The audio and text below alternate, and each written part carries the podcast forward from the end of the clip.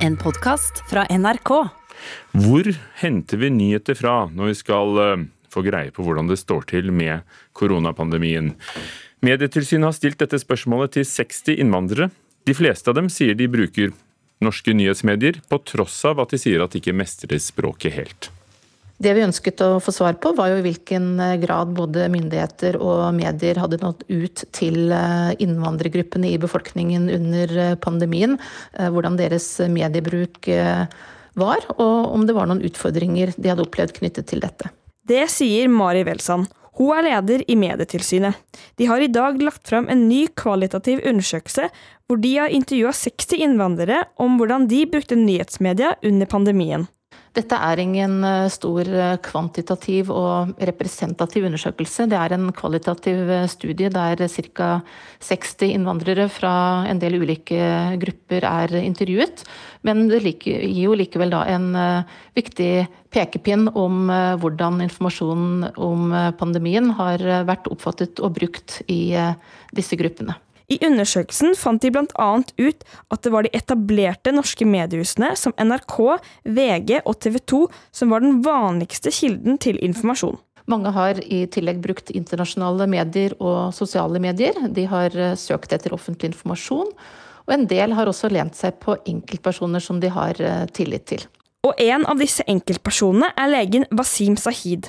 På sin YouTube-kanal med over 68 000 følgere har han gjennom pandemien lasta opp flere videoer hvor han snakker om viruset, vaksiner og andre ting som omhandler pandemien. For meg personlig er det jo hyggelig å høre at jeg har lykkes med det jeg har eh, prøvd på, nemlig å nå ut til folk med informasjon. Han tror at grunnen til at han har lykkes, er bl.a. pga. representasjon, og at folk ofte har mer tillit til en person dersom personen ser ut som en selv. Han tror derfor at det er viktig for media å gjenspeile det mangfoldet som er i befolkninga.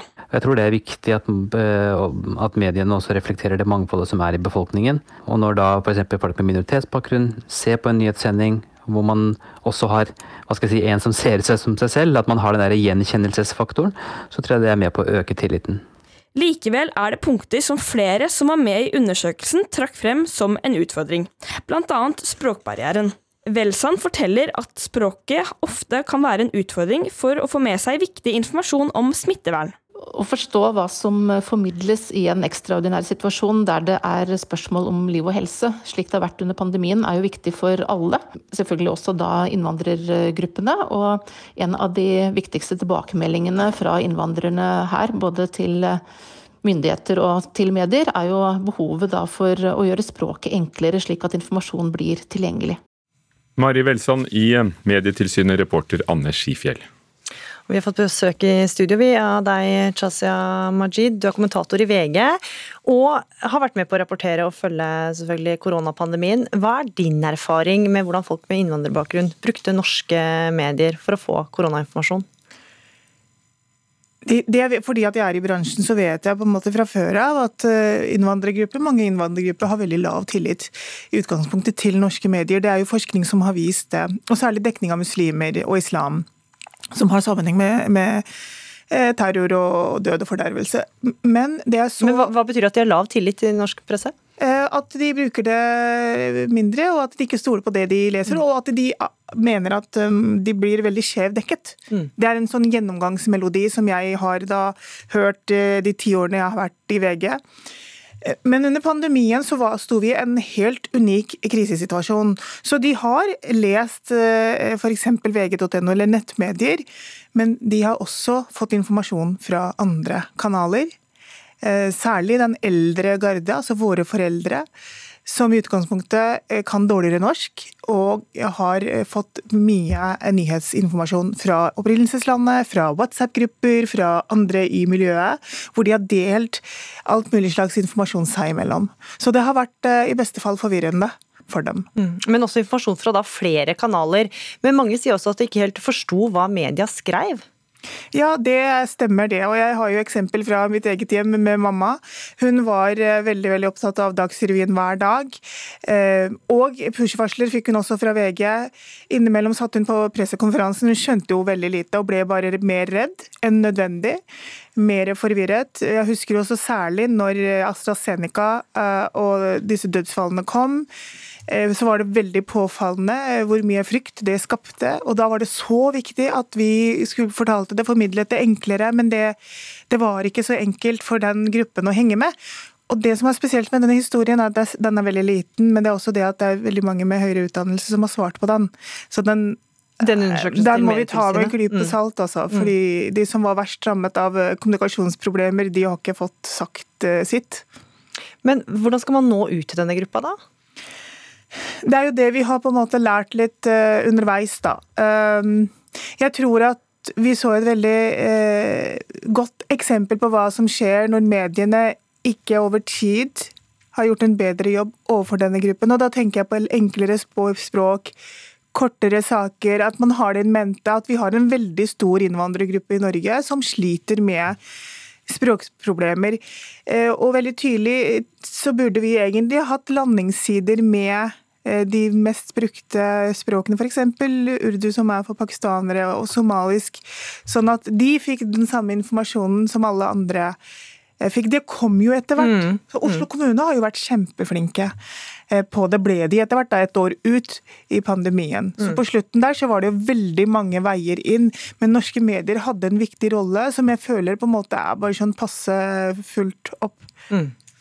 Og så hører vi i reportasjen her også uh, legen si at det er viktig at man har noen som representerer seg. Hvor viktig er det at media har uh, reportere med innvandrerbakgrunn f.eks., syns du? Eh, mangfoldskompetanse er kjempeviktig, og det ble særlig tydelig nå under pandemien. Når, og det, altså, hvis man drar den litt ut, så handler det jo egentlig om liv og død. Plutselig gjorde det det. For det så vi jo når da smitten spredte seg i innvandrerbefolkningen på Oslos østkant. At vi ikke hadde tilgang. Vi hadde ikke kilder, vi hadde ikke den nærheten til materialet. Og da var det journalister med minoritetsbakgrunn som hadde den nærheten.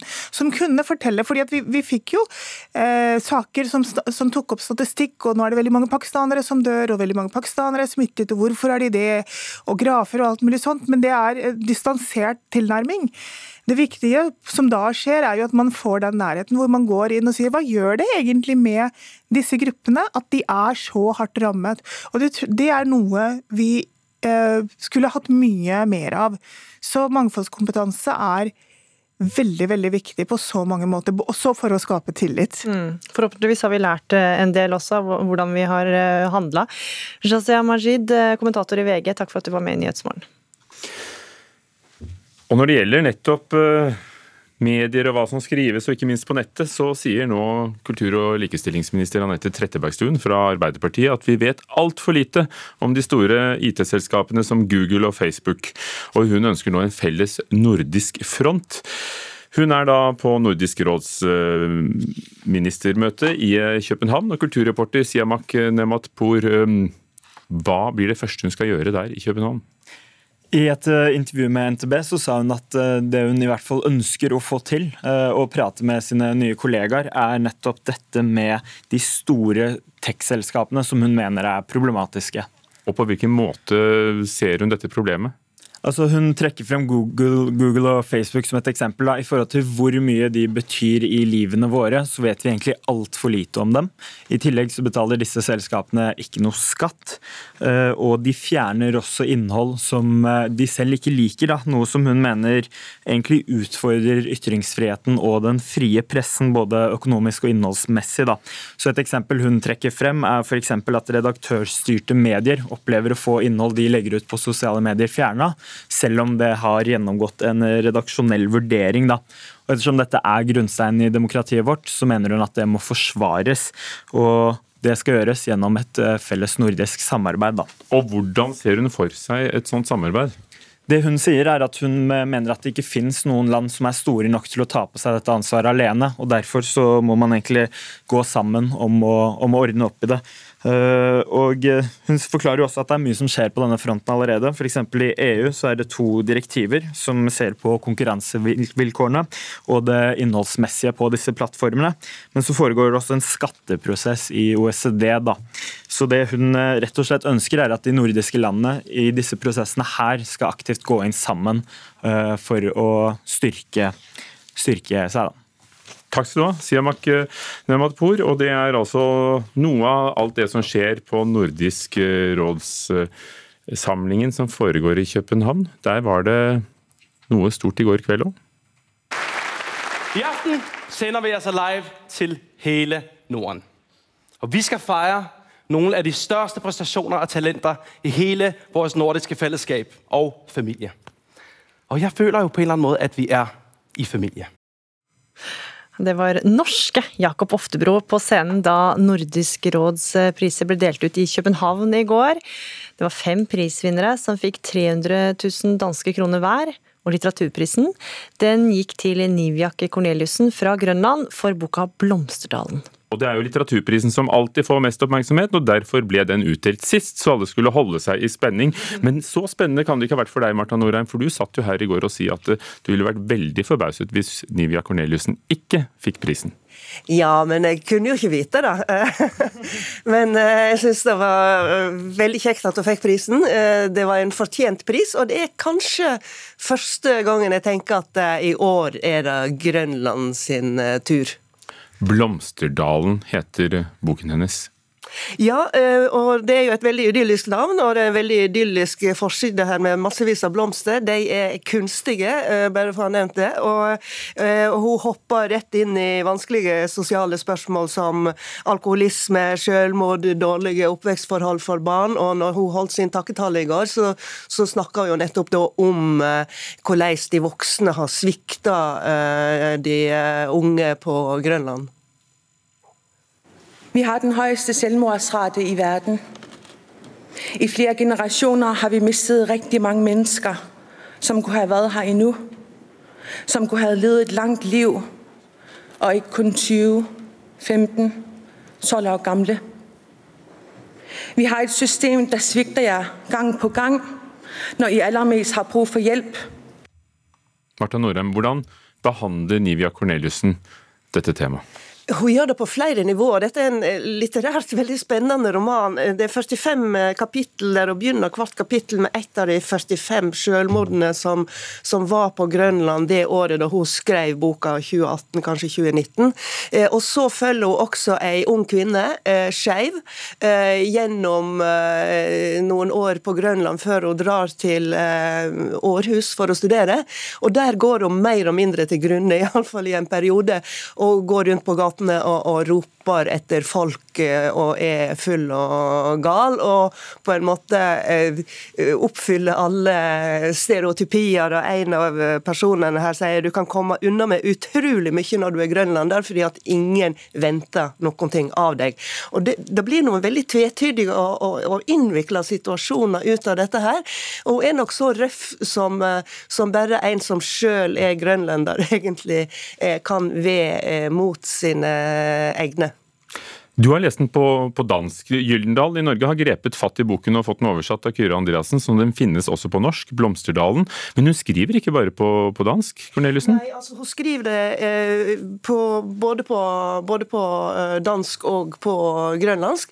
Eh, det er jo en del forfattere, tospråklige forfattere som gjør akkurat det, at de i stedet for å la noen andre omsette til det andre språket eh, altså Dansk er jo, er jo, et språk som er mye brukt på Grønland, som kjent, så hun er jo tospråklig så hun tar hånd om det hele.